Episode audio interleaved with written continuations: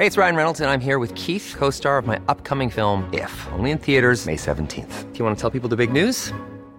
All right, I'll do it. Sign up now and you'll get unlimited for $15 a month in six months of Paramount Plus Essential Plan on us. Mintmobile.com slash switch. Upfront payment of $45 equivalent to $15 per month. Unlimited over 40 gigabytes per month. Face lower speeds. Videos at 480p. Active Mint customers by 531.24 get six months of Paramount Plus Essential Plan. Auto renews after six months. Offer ends May 31st, 2024. Separate Paramount Plus registration required. Terms and conditions apply if rated PG. Hiring for your small business? If you're not looking for professionals on LinkedIn, you're looking in the wrong place. That's like looking for your car keys in a fish tank. LinkedIn helps you hire professionals you can't find anywhere else, even those who aren't actively searching for a new job but might be open to the perfect role. In a given month, over 70% of LinkedIn users don't even visit other leading job sites. So start looking in the right place. With LinkedIn, you can hire professionals like a professional. Post your free job on linkedin.com slash people today. Ryan Reynolds here from Mint Mobile. With the price of just about everything going up during inflation, we thought we'd bring our prices down. So to help us, we brought in a reverse auctioneer, which is apparently a thing.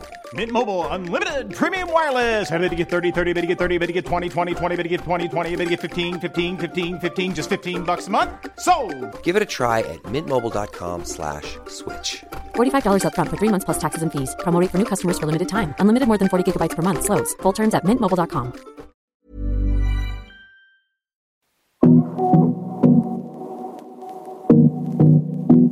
Hej! Hoppas du har det fint och förhoppningsvis njuter av lite ledighet och sommaren fortfarande. Det glädjer mig att du väljer att lyssna en stund på Karriärpodden. Vi har ju valt att sända några favoritavsnitt från det senaste året i repris under sommaren. Och nu har det blivit dags för ingen mindre än Lisa Lindström som är vd för Dobermann, den prisbelönta design och innovationsbyrån. Hon är känd för sina oortodoxa innovationsmetoder och inspirerar i sitt sätt att leda och förändra. Dessutom sitter hon i flera styrelser och är flitigt anlitad talare på konferenser världen över. Det här är ett samtal om ledarskap och kompetens och om hur krokiga vägar kan leda en precis dit man ska vara. Och såklart Lisas tankar om att våga lita på och tycka om sig själv, så som man är. Här kommer nu avsnitt 181 med min gäst Lisa Lindström. Jag heter Eva Ekedal.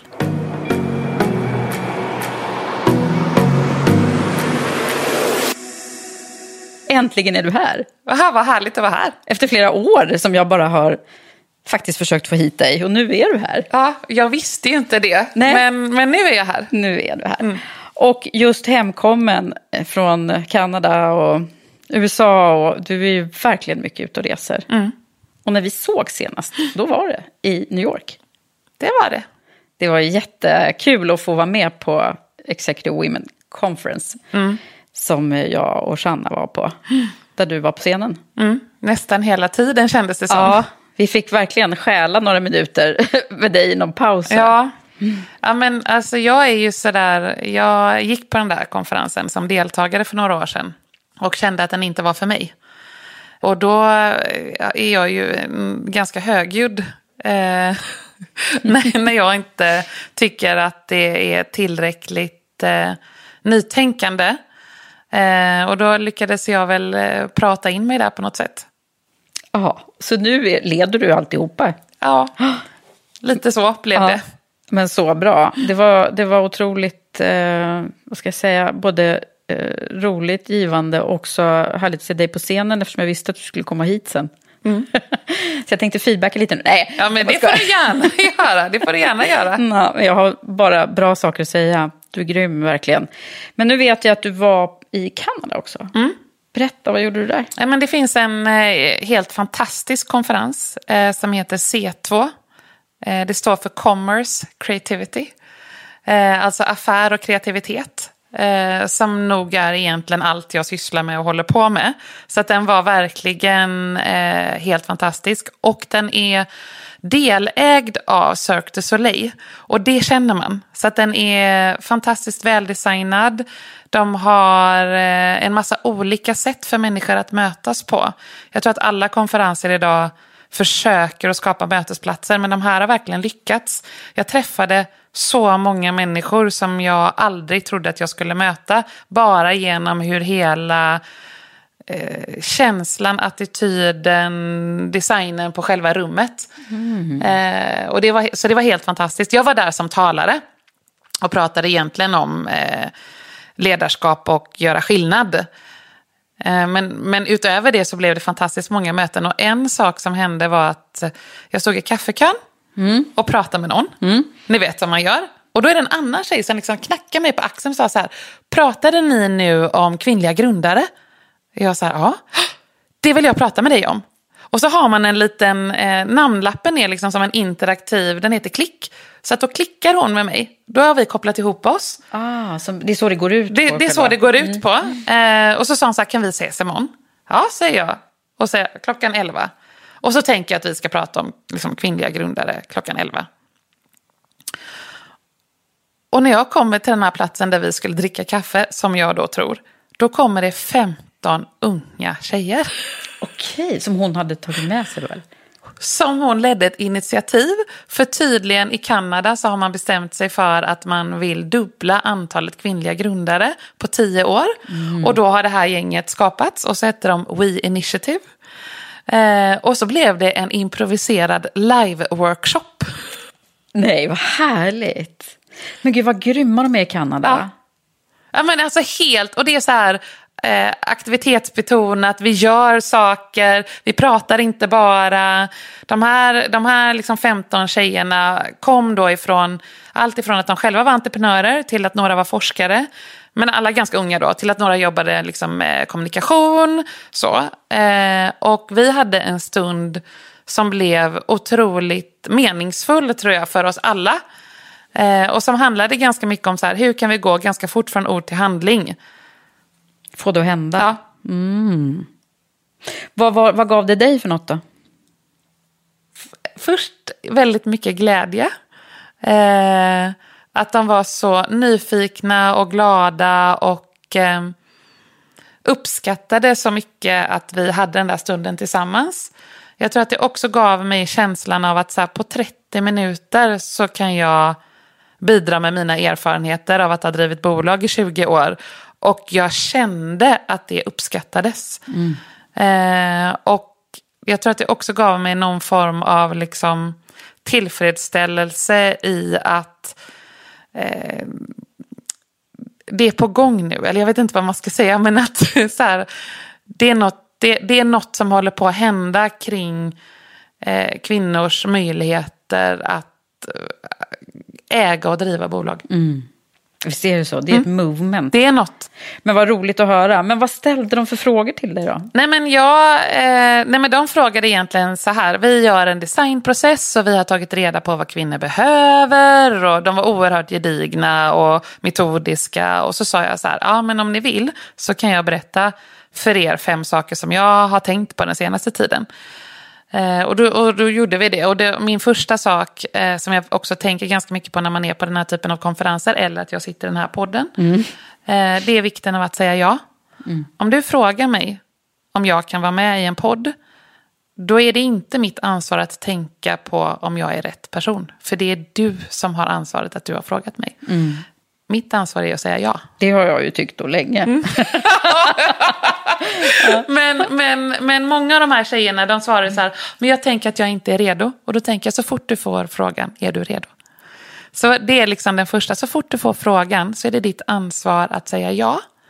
Eh, och om du tänker att du gör det för dina systrars skull, om du tänker att du gör det för alla våra mammor som har skapat förutsättningar för att vi ens ska kunna få frågan. Och inte tänker så mycket att det handlar om dig och din prestation. Utan du gör det för en rörelses skull. Då blir det inte så mycket prestation. Nej, just det. På individnivå. Ja. Nej. Och den andra saken som jag sa till dem det var att eh, det är jätteviktigt att vara expert. Att när du får frågan om att delta i något sammanhang så kan du ofta få som kvinna få frågan om du kan vara moderator. Eh, men då är det viktigt att du faktiskt är expert. Mm. Och det här var den man som lärde mig. Eh, för jag fick frågan om jag kunde vara moderator på Ingenjörsvetenskapsakademin någon gång. Jag tänkte kul, mm. gärna, där har jag aldrig pratat. Mm. Och då ringde en väldigt framgångsrik man till mig. Och så sa han, du Lisa Lindström, jag gillar inte det här att du ska vara moderator på IVA. Och jag, va? Gör du inte? Nej. Därför att sådana som jag, vi räknar då bort sådana som dig. Jag tycker att du alltid ska vara expert. Klokt råd. Väldigt klokt. Hade jag aldrig tänkt på. Nej. Och när han då liksom nästan tar sig an den här liksom manliga vd-possen Mm. eh, och svarar. För, jag tycker det var så schysst gjort faktiskt. Ja. Så att vara expert eh, är jätteviktigt. Eh, den tredje saken är att eh, vi måste sälja in varandra. Det är inte alltid jättelätt att sälja in sig själv och kliva fram och säga så här, jag skulle gärna vilja och jag borde och sådär. Eh, men det är ganska enkelt att sälja in sin bästis eller sin eh, allra bästa kollega. Eh, så att jag uppmanar de här tjejerna att gå ut i världen och prata gott om dem. Sälj in varandra. Sälj in varandra och gör det gärna lite amerikanskt. Eh, vi har inte riktigt tid att kindpussas och liksom, åh, vi ska lära känna varandra. Utan så här, det här är X som är bäst på det här och därför ska du anlita henne till det här. Det tror jag är liksom banar väg väldigt mycket. Och det har jag lärt mig också från USA. Den, den fjärde saken som jag sa, den kommer faktiskt ifrån New York. Och jag vet inte om du tänkte på det, men, men Hope som var med i den här investeringspanelen. Just det, det var en väldigt annorlunda investeringspanel. Eller Ja. ni, ni marknadsförde den också som, vad var det? The untraditional investor. Precis. Ja, och hon, jag, jag gillar henne så mycket. Hon är otroligt framgångsrik. Både styrelsekvinna, finanskvinna och, styr, och, och, och investerare. Eh, och hon brukar säga att eh, vi kvinnor hjälper gärna varann. Men be inte om en kopp kaffe. Eller om vi kan ta en lunch och bara bolla lite. För det har vi inte tid med. Utan eh, be om ett konkret intro. Eh, eller en konkret fråga. Eller nästan så att du kan spökskriva någonting som du vill att jag skickar vidare till någon i mitt nätverk. Då kan jag gärna hjälpa till. Och så där kan jag själv känna att jag önskar att jag kunde ta alla de där luncherna. Eh, och, och en kopp kaffe hit och dit. Och, och jag kan inte det. Nej. Men jag vill ju hjälpa till. Och då är det bra att veta vad det är man ska hjälpa till med Ja. och vara kortfattad. Och vara kortfattad. Och Lisa, känner du den här och kan du öppna dörren till det här? Eller hur skulle du göra just den här specifika frågan? Eller kan du dela med dig av det här? Ja, det kan jag. Väldigt specifikt går det bra. Men du, det där var ju superbra råd. Vad hände med dig då när du mötte de här unga kvinnorna på det här sättet? Men jag blir bara så inspirerad när jag tänker att det här är eh, kvinnor som för det första kommer att leda en massa framgångsrika verksamheter.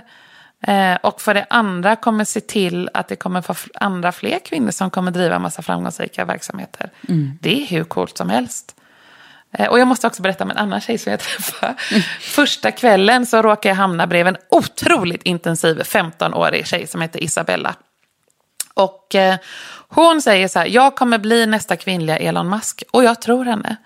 Så utöver att hon går i skolan så går hon en slags forskarinitiativ. Där hon just nu håller titta, på att titta på hur man kan framställa syntetiskt kött. Eh, och har nördat ner sig så mycket i det här så att hon liksom framställer egna bakterier men sitt gud, badkar. 15 år? 15 år. Eh, och har blivit inbjuden till den här konferensen för att sitta på scen. Eh, och man känner så här, ah, men det här är så hoppfullt. så här, Det finns hopp om det finns livet. hopp liksom. Ja.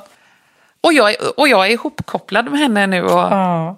Jättehärligt. Släpp loss krafterna, Ja. är det man känner. Ja. Ja, coolt. Vilken härlig start det blev på Karriärpodden. De här tipsen brukar man ju liksom komma på slutet i min podd, men det var jättebra att vi fick i oss det här på en gång. Ja, jag gillar att flippa perspektiv. Exakt. Nu har vi brutit Ja. på allting. Ingenting kommer att vara som vanligt i Karriärpodden, för nu är Lisa Lindström här. Och då är det så här att eh, jag tänker också att vi ska, vi ska mm, prata om en massa spännande saker som jag vill prata med dig om. Men innan vi gör det så behöver vi ha lite koll faktiskt på vem, eh, hur, vem är du och kan vi göra någon form av shortcut här utan att gå igenom hela ditt eh, fantastiska CV? Eh, Jag är Lisa. Jag föddes till eh, en väldigt självklar person. Ehm, Jag är mamma till två barn och eh, lever tillsammans med dem och eh, min man i eh, Axelsberg. Eh, Jag har sedan 20 år tillbaka drivit ett, eh, ett litet designkollektiv som vi kallar Dobermann. Och jag säger kollektiv idag för att jag tycker koncernbolag är typ det tråkigaste ordet. Om jag skulle behöva säga att jag är vd för ett koncernbolag, låter mm. skittråkigt. Eh, men jag är vd för ett knippebolag eh, som alla heter någonting med Dobermann. En amerikansk designbyrå, en svensk designbyrå och ett investeringsbolag. Mm. Utöver det så är jag idag styrelseordförande i Utbildningsradion. Jag är styrelseledamot i Lernia och jag är eh, rådgivare till Telia i innovationsfrågor. Jag tror att det är typ de uppdragen. Typ, jag ska, jo, jag, jag ska också, kolla här på din LinkedIn samtidigt. Jag är också ledamot i eh, insynsrådet för Myndigheten för delaktighet. Mm. Nämnde du eh, Swedish American Chamber. Nej, och det, just det. Och där har jag också precis nyligen eh, blivit invald i styrelsen för eh, amerikansk, Svenska Amerikanska Handelskammaren.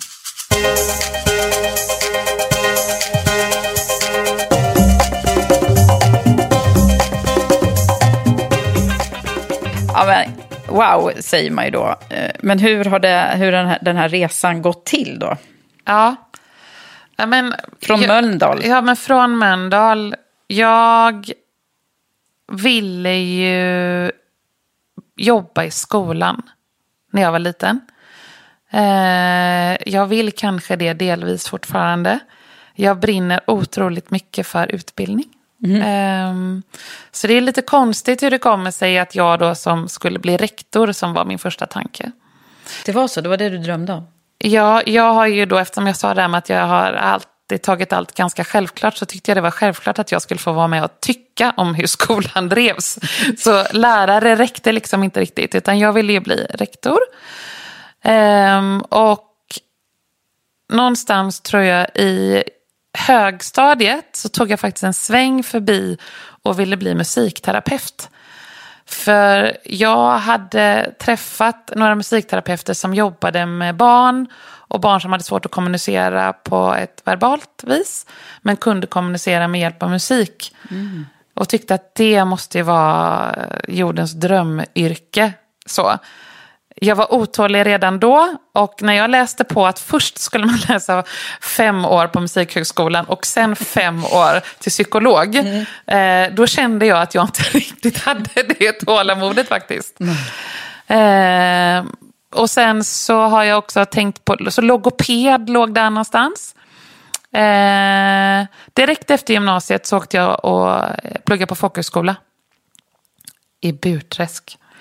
Oh, eh, ja, det var för att det var den enda folkhögskolan i teater jag kom in på. Ja, det var inte, det var inte, det var inte så jätte... Eh, alltså de flesta teaterfolkhögskolorna hade ganska hög ambition. Och jag hade väl bara någon idé om att jag vill i alla fall bara testa ut det där med om, om teater kunde vara någonting. Eh, det var det inte. Eh, det, det, har något med tålamodet där igen. Uh. Att jag insåg att så här, det som jag trodde att teater var skulle ta ganska lång tid. Och det kallet hade jag inte. Nej, Okej, okay. så allting som tar lite för liksom lång tid innan man kommer till målet är ja, inte rätt för dig? Nej, i alla fall inte då. jag, är väldigt, jag är väldigt nära görandet. Så jag har väldigt svårt att saker ska behöva... Den här ledtiden tror jag, jag har inte riktigt den i kroppen. Så.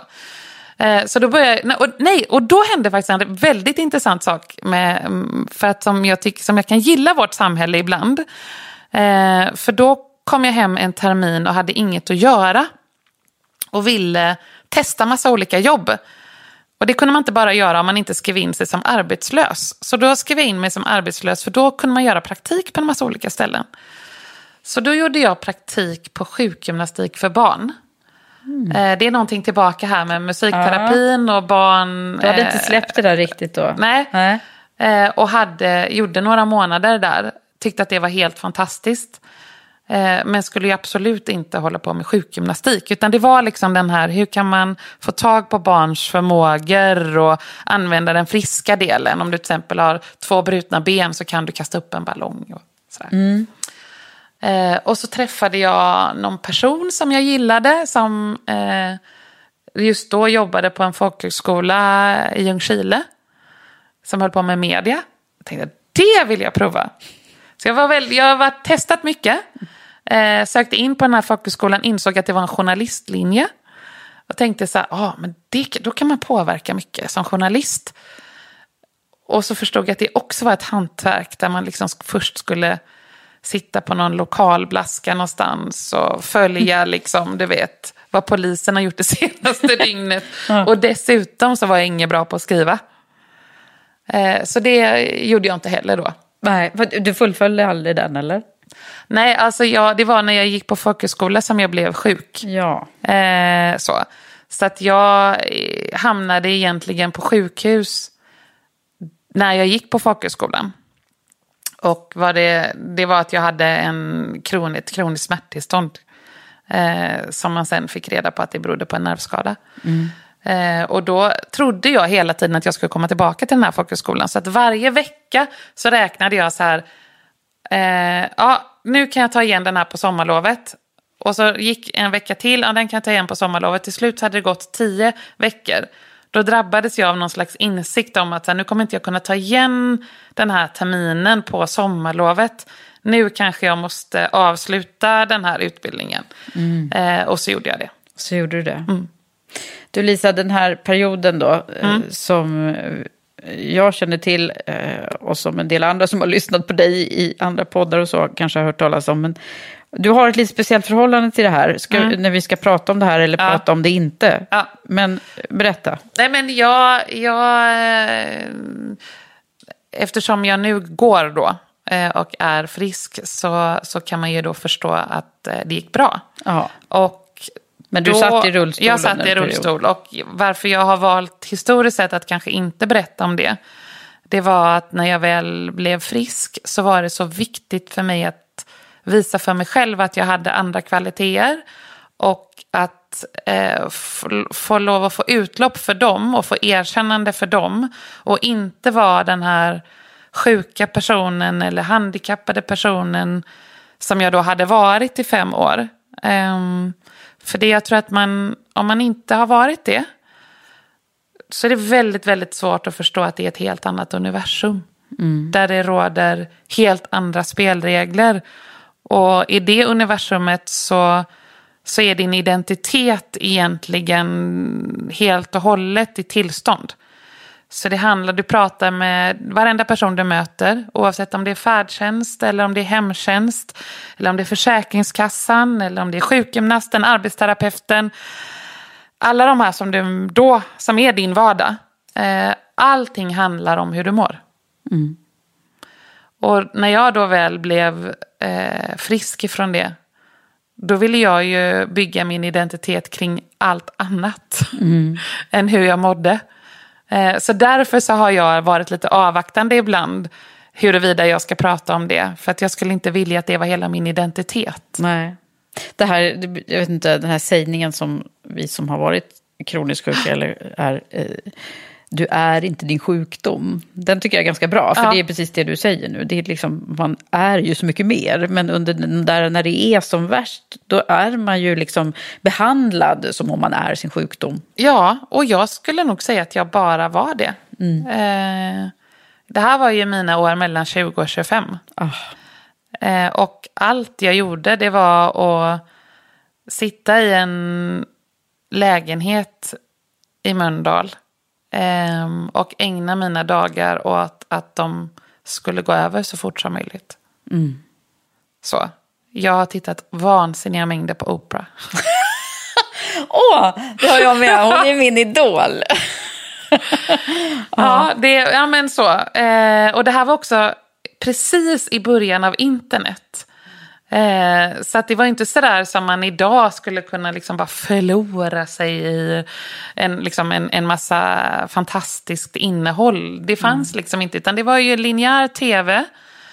Eh, jag kunde mejla. Eh, och sen var ju mycket av liksom min vardag bestod just av att så försöka tänka ut hur jag skulle liksom komma ur den där rullstolen. Ja, vilket också du gjorde. Och hur, när du tänker på det nu, ja. vad var det som var det förlösande? Ett, en, ett samarbete mellan en massa olika personer i vården som inte gav upp. Eh, vård är inte en vetenskap. Hälsa är inte svart eller vitt. Jag tror att så här, vi som uppväxta på 70-talet tror att så här, antingen så har du en sjukdom du kan bli botad ifrån eller så är det inte så. Och så är det så svartvitt. Jag har ju då den hårda vägen lärt mig att det är aldrig svartvitt. Det är hela tiden hypoteser och det skulle kunna vara så att den här behandlingen funkar eller den här behandlingen funkar. Man testar sig fram. Ibland är det någon som ger upp. Eh, ibland var det jag som gav upp. Eh, ibland var det någon läkare som gav upp. Eh, jag har ju liksom provat otroligt nytänkande behandling. haft elektroder inopererat i ryggmärgen. De kom liksom ut så här på sidan. Och människor vågade inte ta i mig för att de hade inte varit med om den behandlingen innan. Så att vi kommer få stötar och så ligger jag där. Ja men jag då? Jag, har, jag ligger här med elektroderna utanför kroppen. Eh, Så att ett, ett, en, en, jag skulle vilja säga så här att det som ledde till att jag idag kan gå var en kombination av min egen vilja, eh, min frustration över att jag var en sån som går. Det var min självbild. Men också att bo i ett land där man blir satsad på. Jaha, för det, det gjorde... Men du var tvungen att, att, att jobba själv med det här? Ja, både jag och liksom min familj och människor runt omkring mig, vi kämpade på. Gud vad härligt ändå. Ja. Och alltså, av den anledningen tycker jag att det är bra att du, att du ändå berättar om det. Ja, men Eh, om, och, och, och ibland då så när jag har berättat om det så får jag frågan skulle du kunna ge mig tips och hur ska jag göra? Och då vill jag säga att jag är inte medicinsk expert. Eh, jag vet inte vad som exakt vad andra har för syndrom eller vad, vad som skulle kunna funka för någon annan. Det jag vet är att fortsätt att kämpa och om du har någon nära dig som du tror eh, skulle kunna ha det bättre så behöver man kämpa för den. Men du, eh, det hände ju saker som också ledde dig vidare på din karriär under den här perioden. Ja, men det är faktiskt lite roligt då. För Ja, den då, måste vi. alltså, så här, ja, men det kan, vi, det kan man faktiskt skratta lite åt. Men, Mm. men, men då, jag var ju liksom då en, en så kallad utanför systemet. Jag var faktiskt förtidspensionär Vid 25. vid 25. Eh, det det är rätt förfärligt tanke. Jag har väldigt svårt att ens känna att det var så. Eh, men då, då vid den här tidpunkten så på Arbetsmarknadsinstitutet som idag då är Lernia, där jag sitter i styrelsen, finns en koppling till varför jag kanske det. sitter där. Ja. Eh, så, så hade man olika projekt för att man inte skulle vara sysslolös. Och ett av de här projekten var att man tänkte att vi som sitter i rullstol, vi kunde i alla fall röra händerna så jag skulle lära mig att koda. Så jag satte ett initiativ med andra människor i rullstol och lärde mig koda hemsidor. Och ehm, det är ju liksom snubblande nära vad jag jobbar med idag. Verkligen. Så, så Ja. att, eh, det är väl en, en, en, en, en helt otrolig bakgrund egentligen. Och jag satt och kodade bingosidor och tyckte att det var helt förfärligt meningslöst. Faktiskt. Ja. Eh, för det var ju verkligen en, en skyddad verkstad. Eh, vi satt inne på en särskola. Och eh, det är ganska långt ifrån den, den bilden av vad jag trodde att jag skulle hålla på med eftersom du har hört att jag då tänkte att jag skulle förändra världen Ja. på lite olika sätt.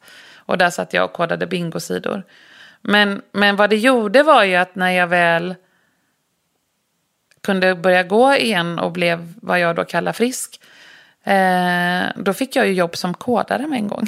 Ja, För så det gav alltså ju dig Det en- gav ju mig värsta skjussen in i, i yrkeslivet. Så då började jag jobba på ett företag som heter Bionet. Som gjorde ett av Sveriges första, det är ett, ett väldigt, väldigt tidigt e-handelsbolag. Som sålde nedladdningsbar programvara. Kanske fem, sju år före iTunes. Okej. Och där satt du. Och där satt jag och kodade hemsidor.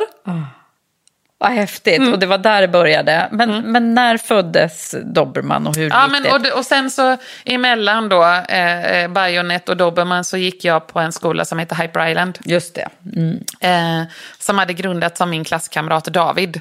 Eh, och som jag tänkte, för jag och David stod på barrikaderna på gymnasiet och skulle förändra skolan. Så då tänkte jag att om David har startat en skola, eh, då är det en pedagogik som jag kommer älska. Eh, och Hyper Island var ju då en av Sveriges första yrkeshögskolor. Mm. Um, så då gick jag där och fortsatte. Eller jag, så här, jag trodde nog att jag skulle koda då eftersom jag trodde att det var det jag kunde. Men det tog mig tre veckor. Skulle bli världens bästa kodare. Ja, men det tog mig tre veckor att inse att jag är projektledare, jag är en som driver projekt. Mm. Uh, så då gick jag på, och efter Hyper Island så um, skulle jag faktiskt till New York. För det var där jag hade gjort min praktik. Uh, men samma David lockade ju mig då till att stanna kvar i Karlskrona eh, och börja jobba för ett företag som då också heter Dobermann. Eh, som han hade grundat tillsammans med några andra. Eh, och då började jag där. Jobbade fyra månader. Och eh, skulle starta ett helt nytt affärsområde på Europolitan. En telekomoperatör. Just det, som fanns då. Mm. Ja. Och jag hade ju bilden av att stora bolag var jätte jätteframgångsrika för att de var så, alltså de skulle vara min förebild på ledarskap och processer och mm. sånt där. Och efter fyra månader så, så satte jag mig ner med David och sa, jag kan inte jobba där. Varför då, säger han. Nej men det är helt dysfunktionellt. eh, vi bara sitter och har möten och pratar om hur vi ska jobba. Vi jobbar ju inte här. gör ju ingenting. Vi gör Nej. ju ingenting här. Kanske otåligheten kom tillbaka. Nej, det är förfärligt, sa jag. Det är helt dysfunktionellt. Eh, och då sa David, ja du, men då kan väl du ta och sluta. Och då gjorde jag det. Så då slutade jag. Okej. Eh, åkte och jobbade fem månader för en startup i London. Den gick omkull. Ungefär samma dag så ringde David och sa ja ja men nu gillade du inte Karlskrona och det där. Men vill du starta Dobermann Stockholmskontor? Ja, sa jag. Mm. Det vill jag gärna göra. Så så är liksom så är storyn. storyn till hur jag kom in på, eh, på Dobermann. Och sen dröjde det inte så jättelänge. Så frågade David mig, du, det går ju bra det här, sa han. Ja, vill du vara vice vd? Ja, men det låter kul. Och det var jag i en vecka. Och sen började han jobba på Europolitan Vodafone som det hette då. Gjorde han det? Han gjorde det. Mm. Och sen dess är jag vd.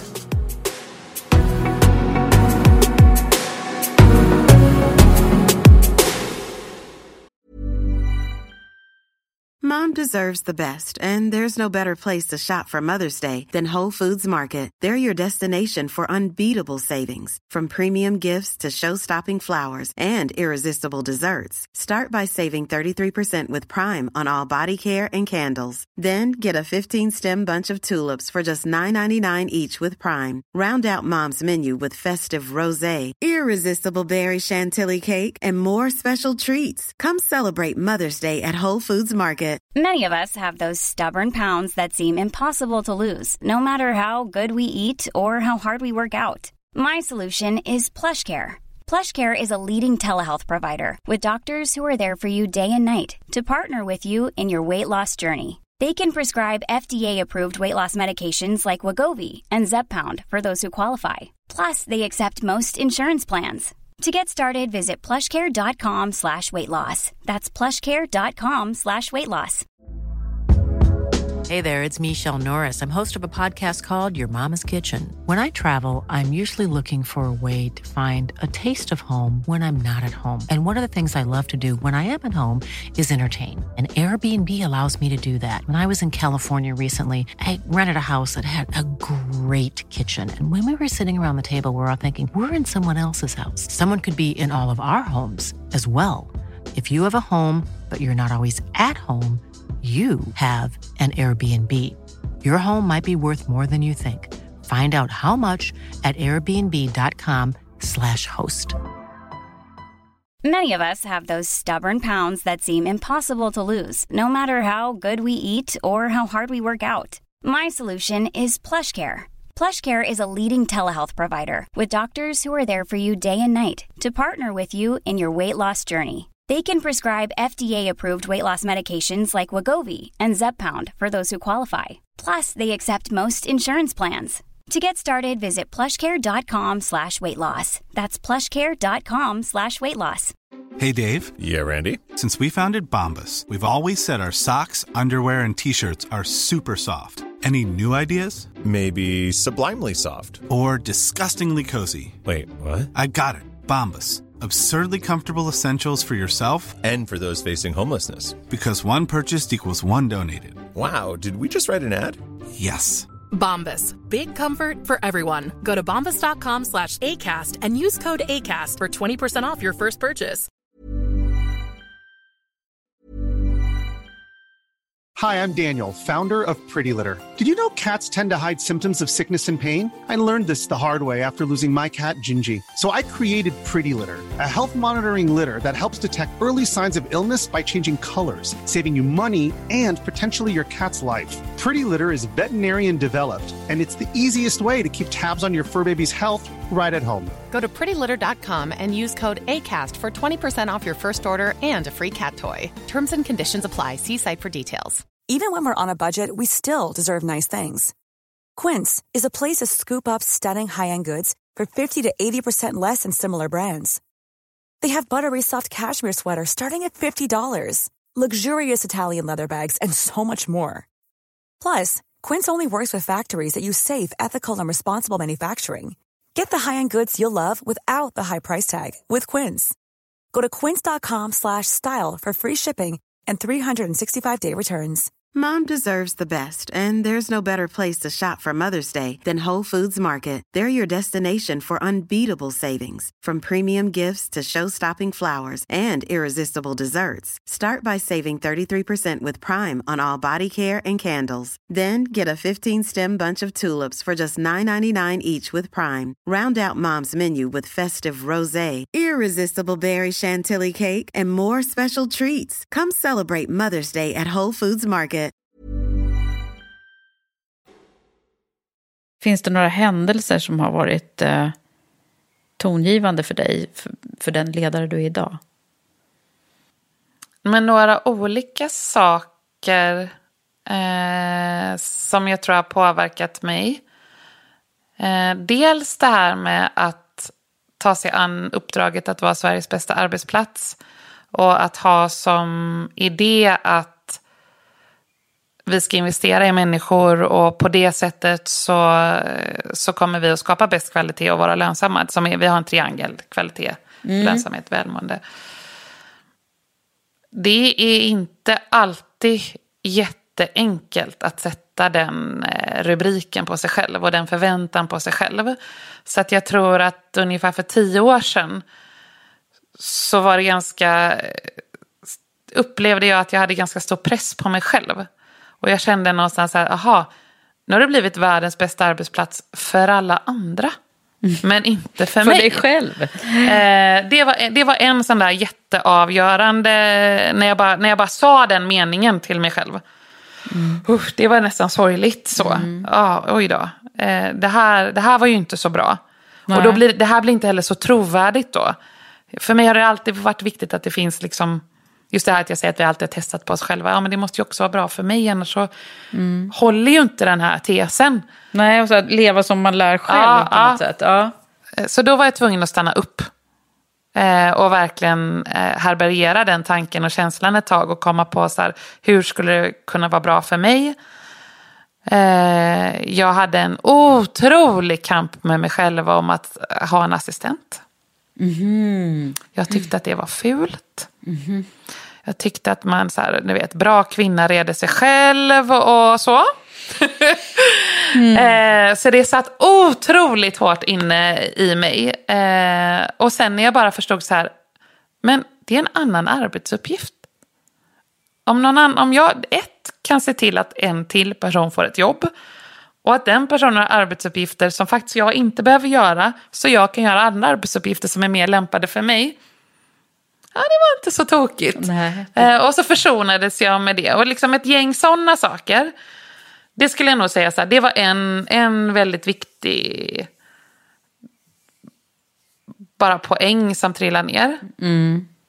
Eh, en annan viktig sak som, som jag lärde mig, det var jag satt i styrelsen för Avanza. Och eh, kom ju in där, upplevde jag då som en väldigt udda fågel. Som den här liksom eh, kreativa, otraditionella, digitala, inte så finanskunniga personen. Mm. Och fick ändå ta emot känslan av att, och det är just det som är bra här. Okej, de tog emot dig på... Ja, att jag måste ställa de där extra frågorna för att jag inte förstår var ju faktiskt hjälpsamt för hela styrelsen. Det här är också direkt efter HQ-krisen. Ah, okay. eh, så att det här med whistleblower och, och, och att, att, vi, att vi faktiskt vrider och vänder på frågorna och inte bara köper varandras briljanta resonemang. Utan att man faktiskt säger stopp där, det här förstår jag inte. Och att i det läget vara den personen ganska ofta. Eh, och, och att identifiera sig med att så här, ja, och det kanske är min roll här. Mm. Och det är också bra. Sen hade jag ju liksom andra delar som jag kunde bättre än de andra. Liksom hur ska... Är det här den bästa plattformen för att driva liksom en digital blank? Eller hur jobbar vi med kundupplevelser? Sånt som också är jätteviktigt. Ja. Eh, men det var, det, var en, det, var, det var en... Det var som att jag gjorde upp lite grann med ett samhälle som är väldigt stereotypt uppbyggt på att sitter du i en bankstyrelse så har du gått Handels troligtvis. Eh, är, du, är du vd för ett digitalt bolag, ja men då har du gått Handels eller KTH. Eh, och att helt enkelt bara göra upp med det och säga så här, vad synd att vi inte tar tillvara på all talang och att det kanske bidrar ännu mer till bolagsutveckling om vi på riktigt inför mångfald. Och då inte bara mångfald i form av etnicitet och kön, utan också social bakgrund, utbildning, Mm vad vi tror på, vad vi brinner för, hur vår uppväxt ser ut, hur gamla vi är. Verkligen. Så det är också en sån här tongivande upplevelse som jag är tacksam för att jag har fått vara med om. Mm. Och, och en tredje del har faktiskt kanske, man skulle kunna koppla an den faktiskt också till, till, till en, en, en, en besläktad punkt. Därför att vid ett tillfälle så eh, fick Dobermann frågan om att jobba väldigt högt upp i organisationen för en bank. Och då frågade jag både eh, Avanza och den här nya banken om det var problematiskt att jag satt i styrelsen. Ja. Nej, det var det inte. Eh, och då kände jag i min kropp att det var det. Ah. Så här kommer en tredje insikt om att det spelar ingen roll vad världen utanför tycker och tänker och vad man säger rent juridiskt eller kulturellt. Affärsetik bor i en själv. Mm. Och jag kände i mig själv att jag ska inte sitta på de här två stolarna. Trots att båda de här bolagen tycker att det är helt okej. Så då valde jag att säga upp eh, Avanza. Mm. Trots att det var ett bolag som jag tycker jättemycket om. Och så. Och den, att, att hitta den tonen hela tiden. Oavsett vad alla andra projicerar på dig. Eller vad de vill eller smickrande frågar dig om att göra. Så är det i slutet av dagen du själv och din egen etik och vart du befinner dig någonstans som avgör. När man tittar på din, eh, din karriär så här långt, eh, så... Vad, vad är det för... Vi pratar ju alltid om det i Karriärpodden och jag börjar känna mig lite som en papegoja, men jag säger den frågan ändå nu. vad, vi, vi pratar ju om, om toppar och dalar, liksom. Vad, vad är det som har varit eh, dalarna?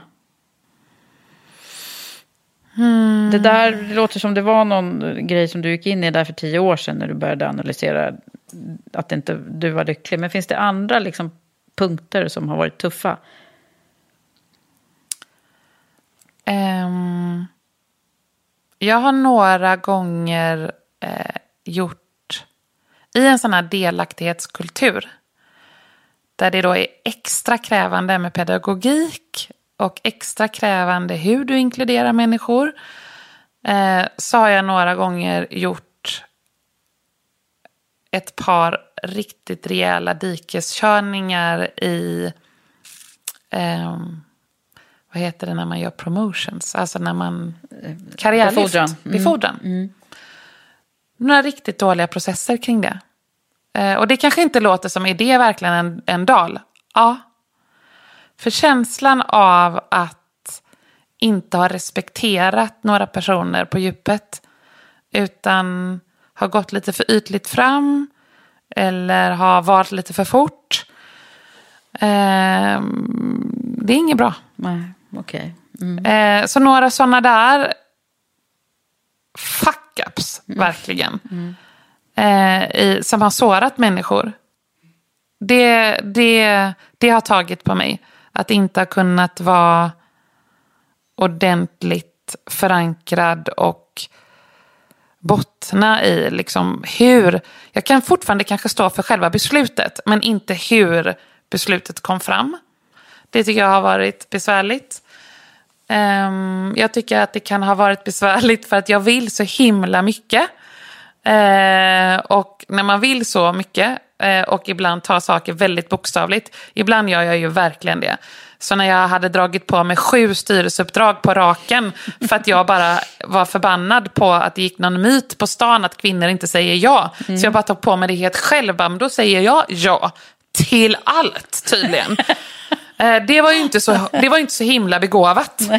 Eh, Så helt plötsligt så sitter jag ju där då med sju styrelseuppdrag och drev väl två bolag själv.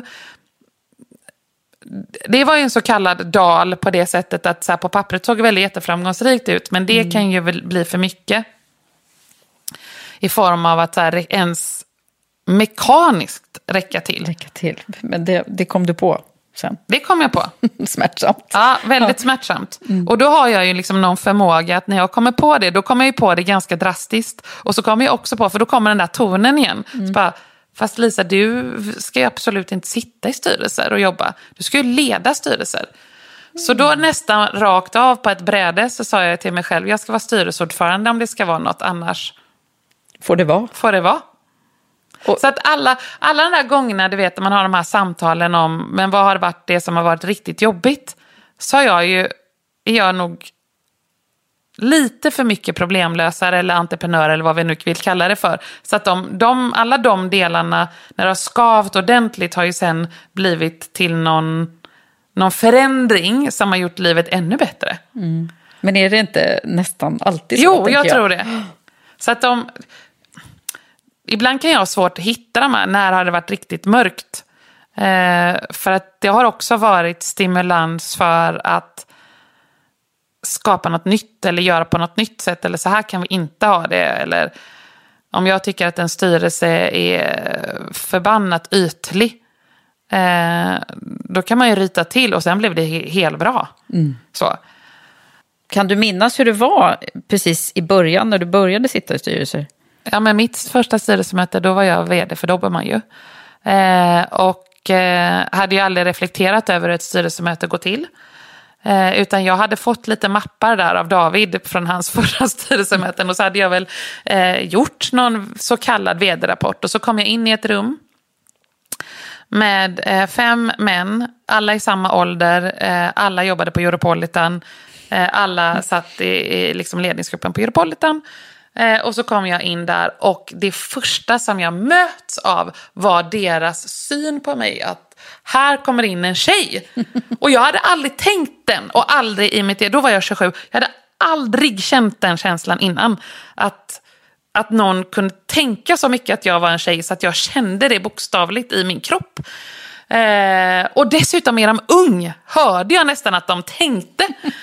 Eh, varpå jag liksom på något sätt bara lutar mig fram och blir så fruktansvärt kompetent.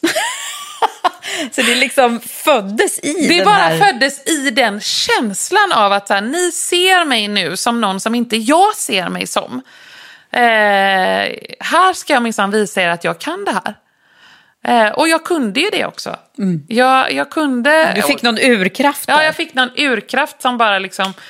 Nu ska ni få se att det ni tror om mig Och då blir jag sådär ansvarstagande igen från liksom, jag tänker inte så mycket att det handlar om mig, utan jag ska visa för alla kvinnors skull att så här kan det vara.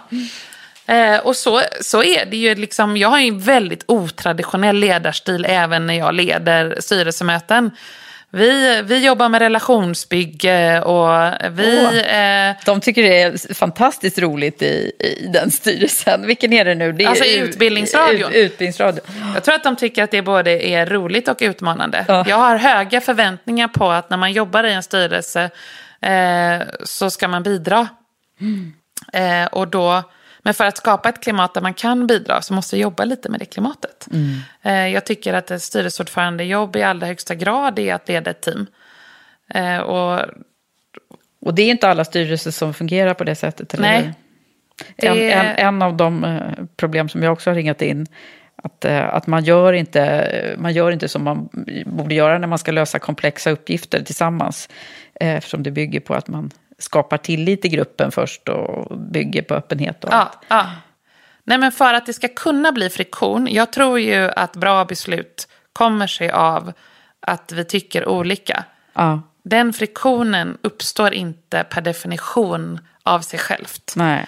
Eh, och traditionellt så har det blivit så, kan jag tycka i vissa styrelser, att då den som har mest erfarenhet i rummet bjuder på mest friktion. Ehm, och det tycker jag är att, att inte utnyttja den valberedningen som liksom har satt samman någon klok sammansättning av mångfald i någon styrelse. Ehm, så att, nej. Det finns ja, lite jag att tror att vi måste, där. Mm. Ja, jag tror att vi har mycket att jobba på i styrelserummen. Det har vi. Du, eh, jag tänker att vi ska prata om, om Lisa som person också. Alltså, för, nu är vi inne på dig på jobbet och vem du är eh, där. Men du är, du är ju en, eh, en människa som lever ett vanligt liv. Barn och familj och ingen hund vet vi. Mm. Nej, du inte, två katter har jag. Två katter. ja. Vad, vad, vad, hur är ditt liv? Hur är mitt liv? Det är... Eh, det är ganska mycket så här, en dag i taget. Eh, och väldigt eh, omfångsrikt på det sättet att, som jag har sagt då, så vill jag ju mycket. Och min vilja tar ju sig mycket uttryck i engagemang som är jobbrelaterade. Eh, jag hade nog kunnat vara lika mycket en föreningsmänniska. Så. Mm. Eh, nu är jag inte det. Men det, det hade kunnat lika gärna ta sig liksom uttryck i eh, någon form av så skapande vilja för att liksom, få till mycket saker. Så ibland blir jag så provocerad av såna här kolumner i affärsmagasin eller affärstidningar där man liksom ska skriva sina hobbys. Ja, nej, jag har inga hobbys. Jag är mamma och jag är bolagsbyggare. Och jag gör en massa andra saker, eh, driver olika konferenser eller vad det nu än kan vara. Jag förstår inte ens hur jag ska hinna med att ha någon hobby. Faktiskt. Nej. När jag inte jobbar eller är med mina barn, då vilar jag. Bra. Jag hinner inte ens läsa böcker. Eh, jag lagar inte någon mat. Jag är ingen bullmamma. Jag går inte på yoga. Eh, jag syr inte. Jag fixar inte och donar hemma. Jag vilar. Vad skönt att höra att du gör för att hinna med allt detta du gör. Ja. Så jag har väldigt lätt att trycka på den här knappen. Så här, nu är det dags att vila. Jag gör en annan sak som jag också har tänkt på när folk frågar mig. Ehm, vad, liksom, vad, vad mitt självförtroende kommer sig av. Jag ger mig själv feedback varje dag. Små mikrostunder av små belöningar till mig själv. Från mig själv. Från dig själv. Gud vad härligt. Vad kan de handla om då? Ja, vad bra det där blev. Och nu var du lite rolig. Eller, alltså, det är ju pyttesmå saker. Eh, och det där, kommer, det där tror jag är liksom Eh, om, det, om det är någon som liksom funderar på att bli vd när man är 27. Och man tror att man ska få en massa bekräftelse och sådär. Det får man inte.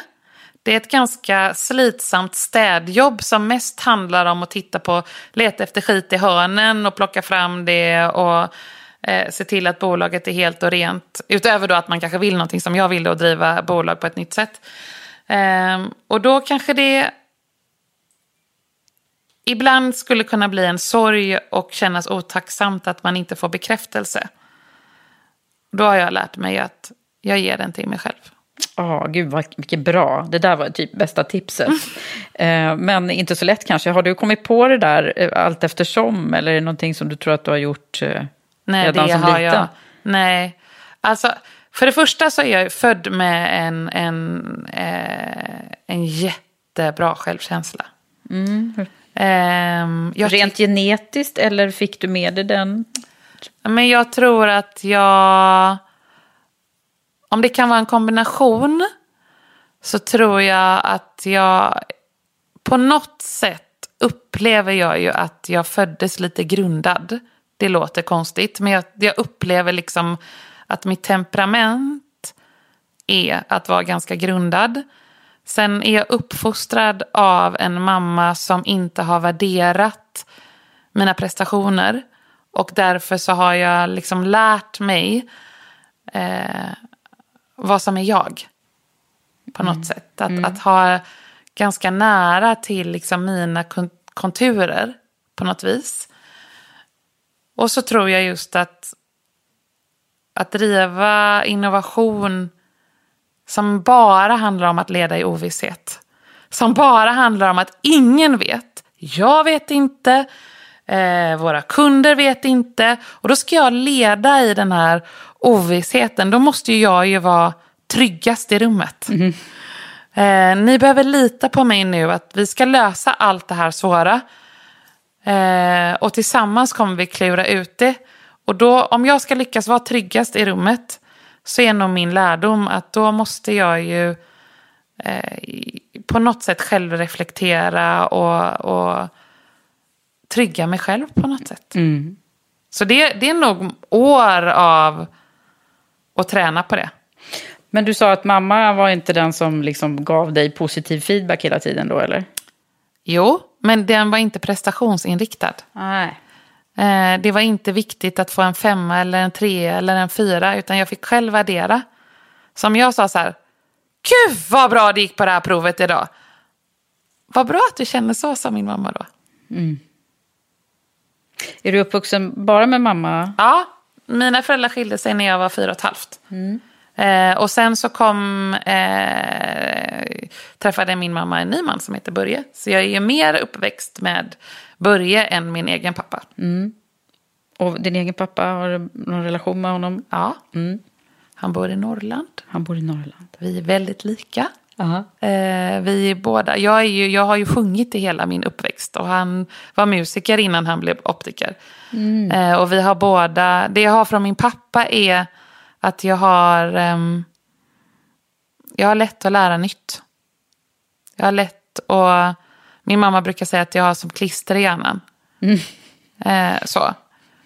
Så att om jag, om jag liksom öppnar det spelet så, så det är lätt att få in saker. Få in grejerna, de fastnar ja. hos dig. Ja. Och det jag har från min mamma är ju, utöver då den här självkänslan, så är det ju eh, min pedagogiska ådra. Eh, att försöka förklara komplexa saker på ett enkelt sätt. Och det grundar ju sig i någon form av människosyn, där jag alltid vill vara inkluderande. Att jag tänker att den viktigaste uppgiften som jag har som ledare, det är ju att se till att alla människor har samma förutsättningar att kunna vara med och bidra. Mm. Därför att annars så får vi inte tag på all den där kapaciteten som vi har inom oss och som finns i varje organisation.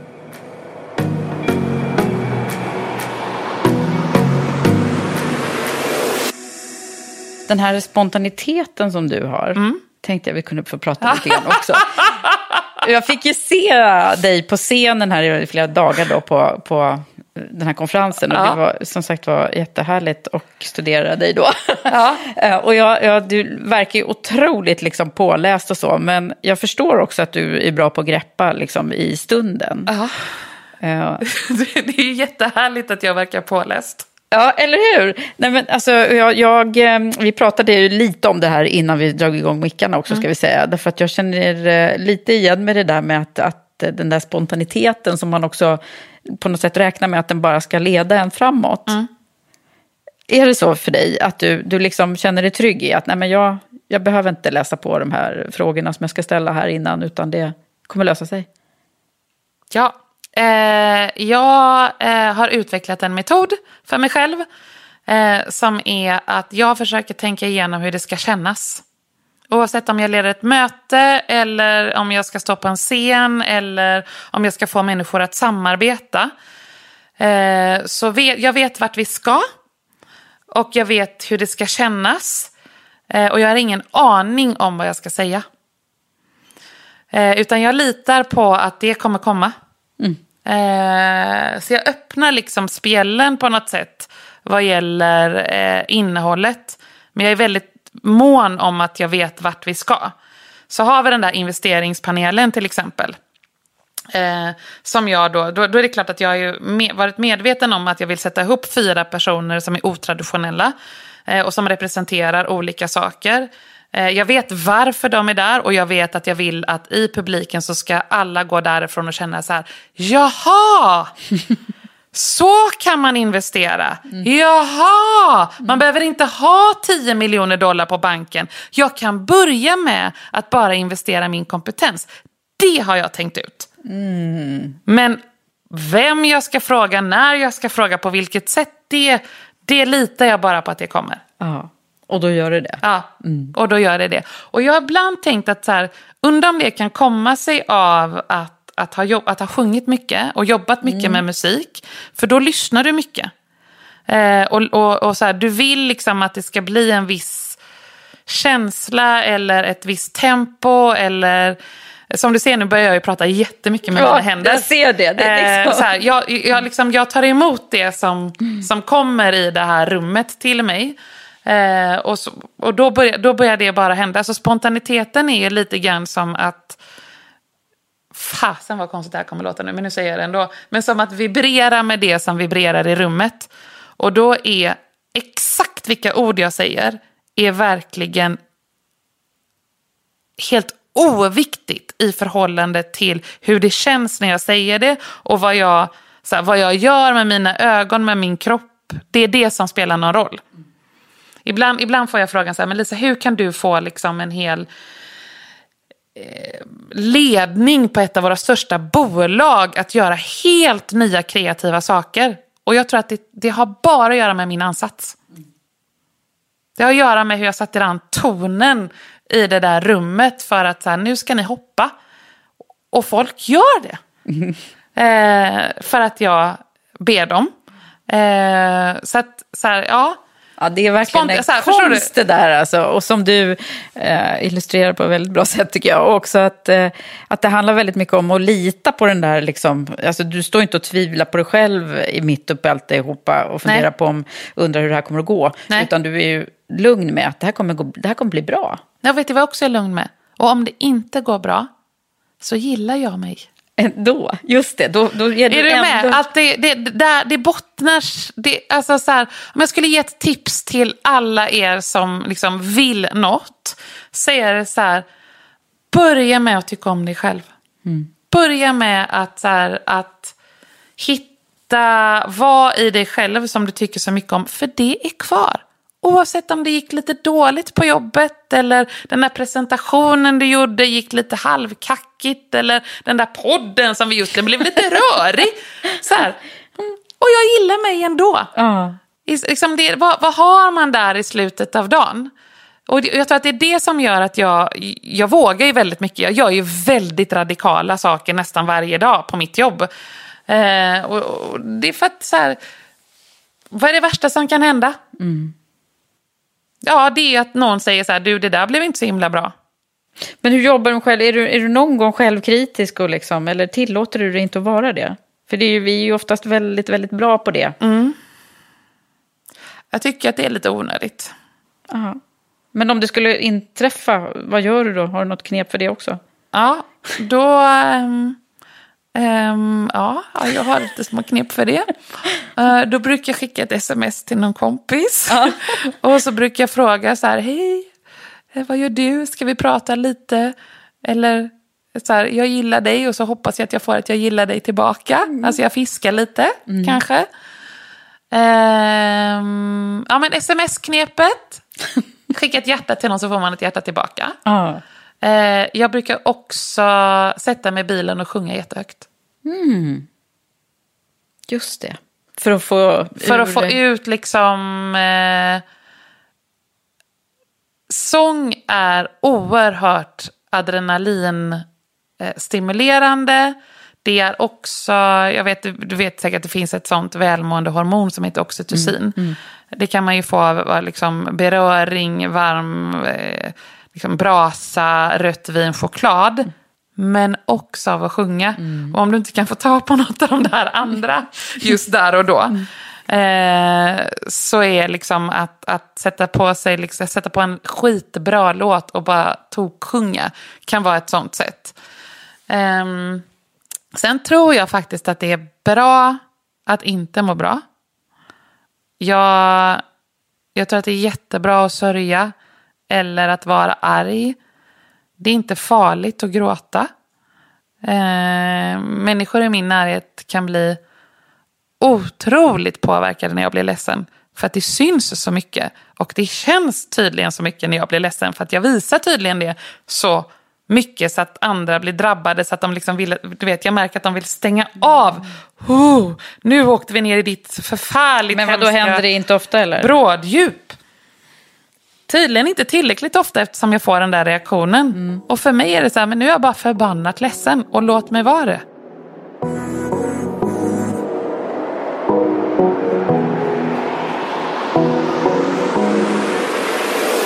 Nu ska vi ringa in också ett ämne som jag alltid ställer till mina gäster. Mm. Som handlar om det moderna ledarskapet. Mm. Och det är ju, jag känner bara så här. det blir en bra fråga till Lisa. Eh, eller det är, det är faktiskt en rolig fråga till alla eh, också. Om, alltså, frågan är ju så här, vad tror du, eh, om vi tittar, vågar titta väldigt långt fram, blir ännu viktigare att, eh, att vi får med oss i ledarskapet? Vad är det moderna ledarskapet i framtiden för dig?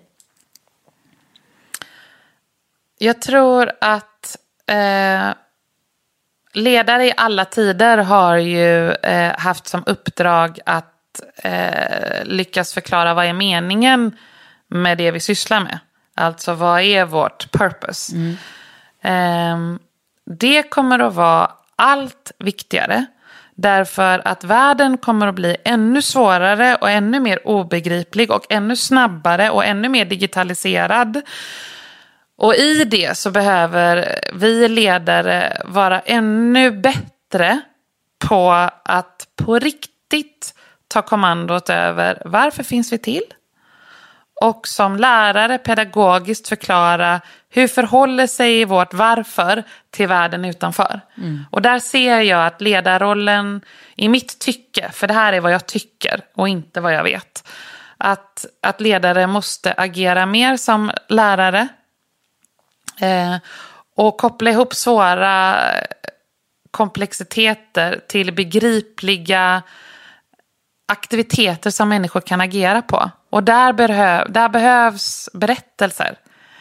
Eh, så att jag tror att, att plocka meningen, att vara pedagog och uttrycka det i begripliga, enkla, inkluderande berättelser som folk kan agera på. Och så skapa förutsättningar för människor att lära. Mm. Och skapa förutsättningar för människor att experimentera. Därför att vi går i en värld som blir mindre tvärsäker. Och mer utforskande. Och den där plattformen där människor, jag kallar det att vi har gått in i lärandesamhället. Den plattformen bygger på att vi ledare måste skapa en trygg zon där människor vågar utforska och lära nytt. Där man vågar säga så här, vet du jag vet inte, men jag tar gärna reda på det. Och det är allt annat än den prestationskulturen som vi har idag. Jag tycker vi har liksom byggt en, ett helt näringsliv som utgår ifrån att här, vi gör en plan och så är du eh, som allra, allra duktigast om du levererar på den planen eh, och når i mål gärna innan deadline. Fast det är kanske helt fel mål. Mm. Så hur skulle vi kunna liksom ha ett modernt ledarskap där du som ledare bygger om din identitet? Det är inte du som vet bäst. Nej. Du, sen ska du också få en fråga som kommer från min samarbetspartner, Mm. Unionen. Och de är inne på lite av det här som du nu pratar om, eh, nämligen eh, kompetensutveckling. Så de, frågan lyder så här, du har inte fått den här innan, utan den kommer nu bara. Eh, vikten av att kompetensutveckla sig har blivit allt viktigare. Vilka är dina bästa tips för att lyckas? Då har du ju lite varit inne på det, men frågan är om vi tänker här och nu. Liksom. Utifrån ett medarbetarperspektiv? Ja, för det här kan ju vara så här ja, allmänt. Ja, alltså. ja, utifrån ett medarbetars- medarbetarperspektiv eh, så tänker jag att tro inte att din arbetsgivare kommer att ge dig en färdig plan på vad det är du behöver kunna. Utan du är troligtvis närmast uppgiften, närmast verksamheten, närmast dig själv och din egen lust. Eh, så jag tänker att medarbetare behöver eh, kunna formulera vad man själv tror att man behöver lära sig och sen studsa det mot sin arbetsgivare och säga jag, jag skulle behöva lära mig det här eller jag skulle behöva kunna göra det här. Och det finns en grej som jag har gjort genom åren som jag är själv väldigt förtjust i. Jag tror inte på liksom, nu får alla medarbetare en utbildningspott på x kronor eh, och så ska man gå och hitta en kurs för det. Det är ett destinationslärande. Det utgår inte från att människor är olika. Utan som, som arbetsgivare då så tror jag att om, om vi har medarbetare som lyckas uttrycka sig, jag behöver lära mig mer om det här. Eh, så om du som arbetsgivare vågar vara kreativ i hur människor då kan välja att lära sig saker.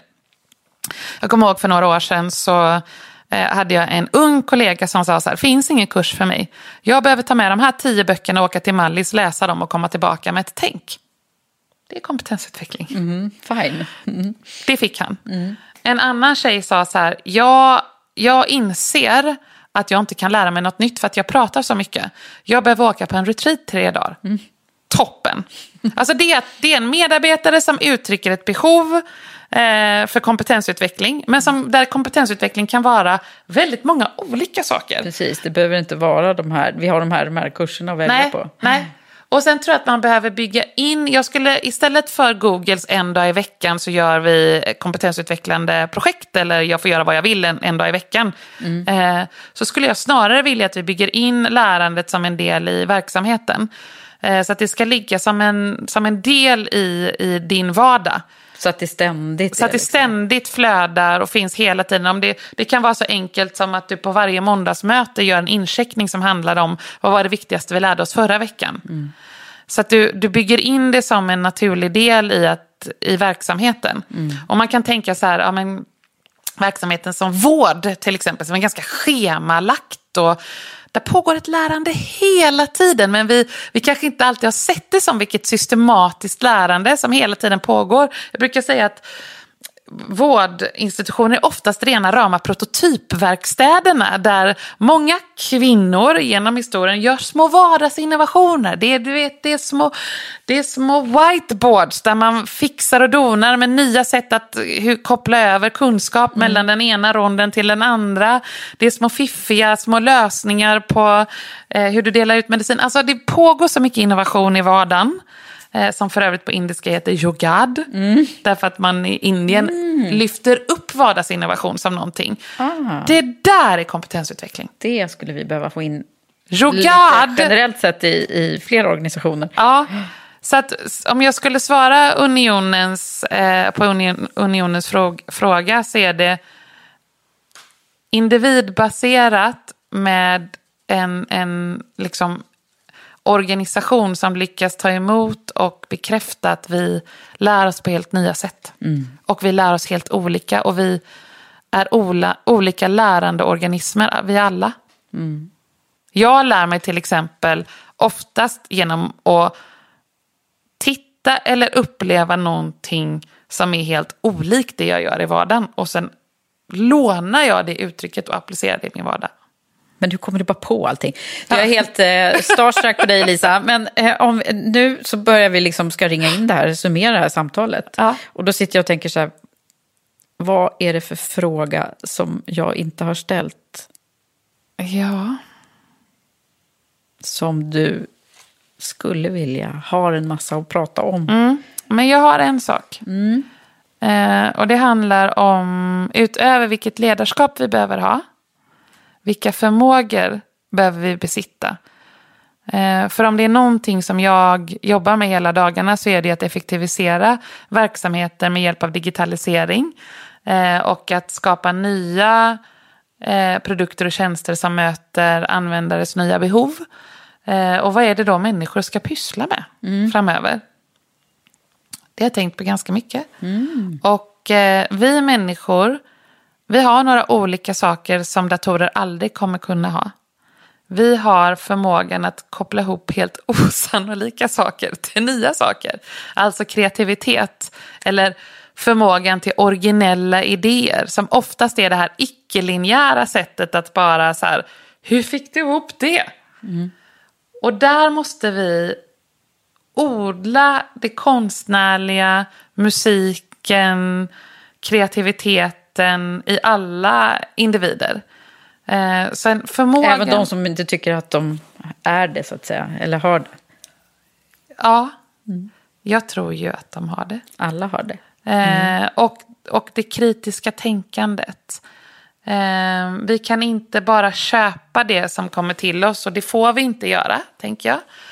Ehm, och det här är också någonting, om du tänker en, du, du, du programmerar liksom en artificiell intelligens för att göra logiska samband. Men det kritiska tänkandet, det är ihopkopplat just med den här djupt bottnade etiska kompassen som vi var och en har. Och det är det som också gör oss till människor. Så att det kritiska tänkandet och kreativiteten eh, och förmågan att samarbeta trots att vi är olika. De där tre sakerna, det behöver hela samhället utveckla. Ja. För att bli, liksom kunna möta framtiden. För att kunna möta framtiden och för att vi ska också kunna ta oss an alla världens svåraste uppgifter oavsett det handlar liksom om klimatfrågan eller om det handlar om polarisering så, så kommer vi inte lösa de sakerna bara genom ett, ett linjärt eh, räkna ut-samhälle.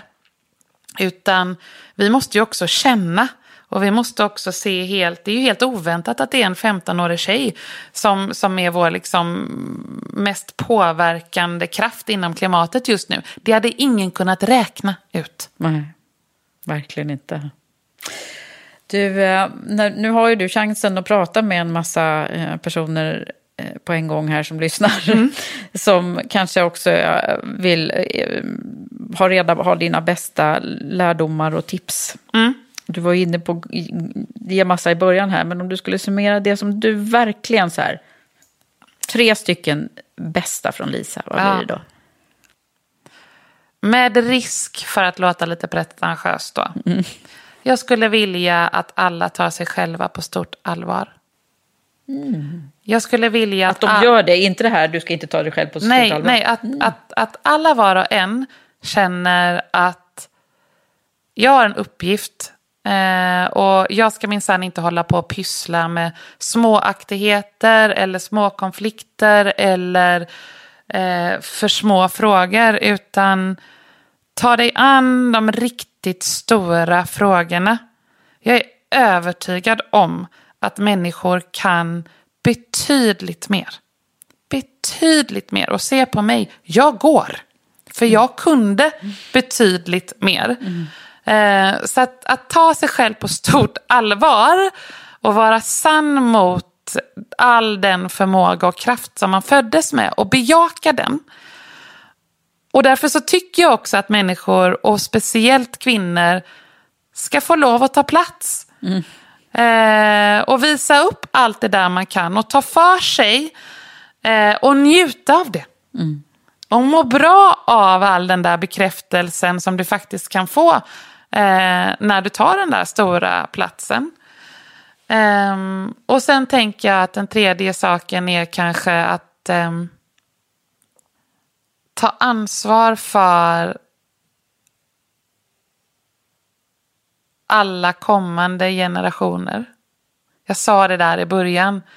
Men, men jag känner mig så lyckligt lottad över att som kvinna har känt att möjligheterna är helt obegränsade.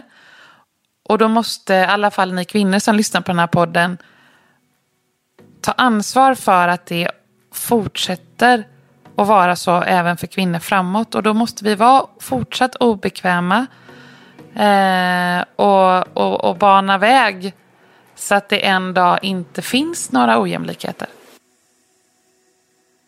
Så bra. Där var slutordet kände jag. Från Lisa Lindström. Tack snälla för att du har varit här och delat med dig av ja, Tack för allt att jag fick besitter. komma. Stort tack till dig som har lyssnat på det här reprisavsnittet med Lisa Lindström. Åh, vad glada vi är att det är så många som följer och hejar på oss i Karriärpodden och Women for Leaders. Fortsätt gärna att tipsa om podden om du inte redan har gjort det. Prenumerera, rita och kommentera podden i din podcaster-app. Det här var allt från veckans avsnitt av Karriärpodden. Ha det så bra så hörs vi nästa vecka igen. Jag heter Eva Ekedal.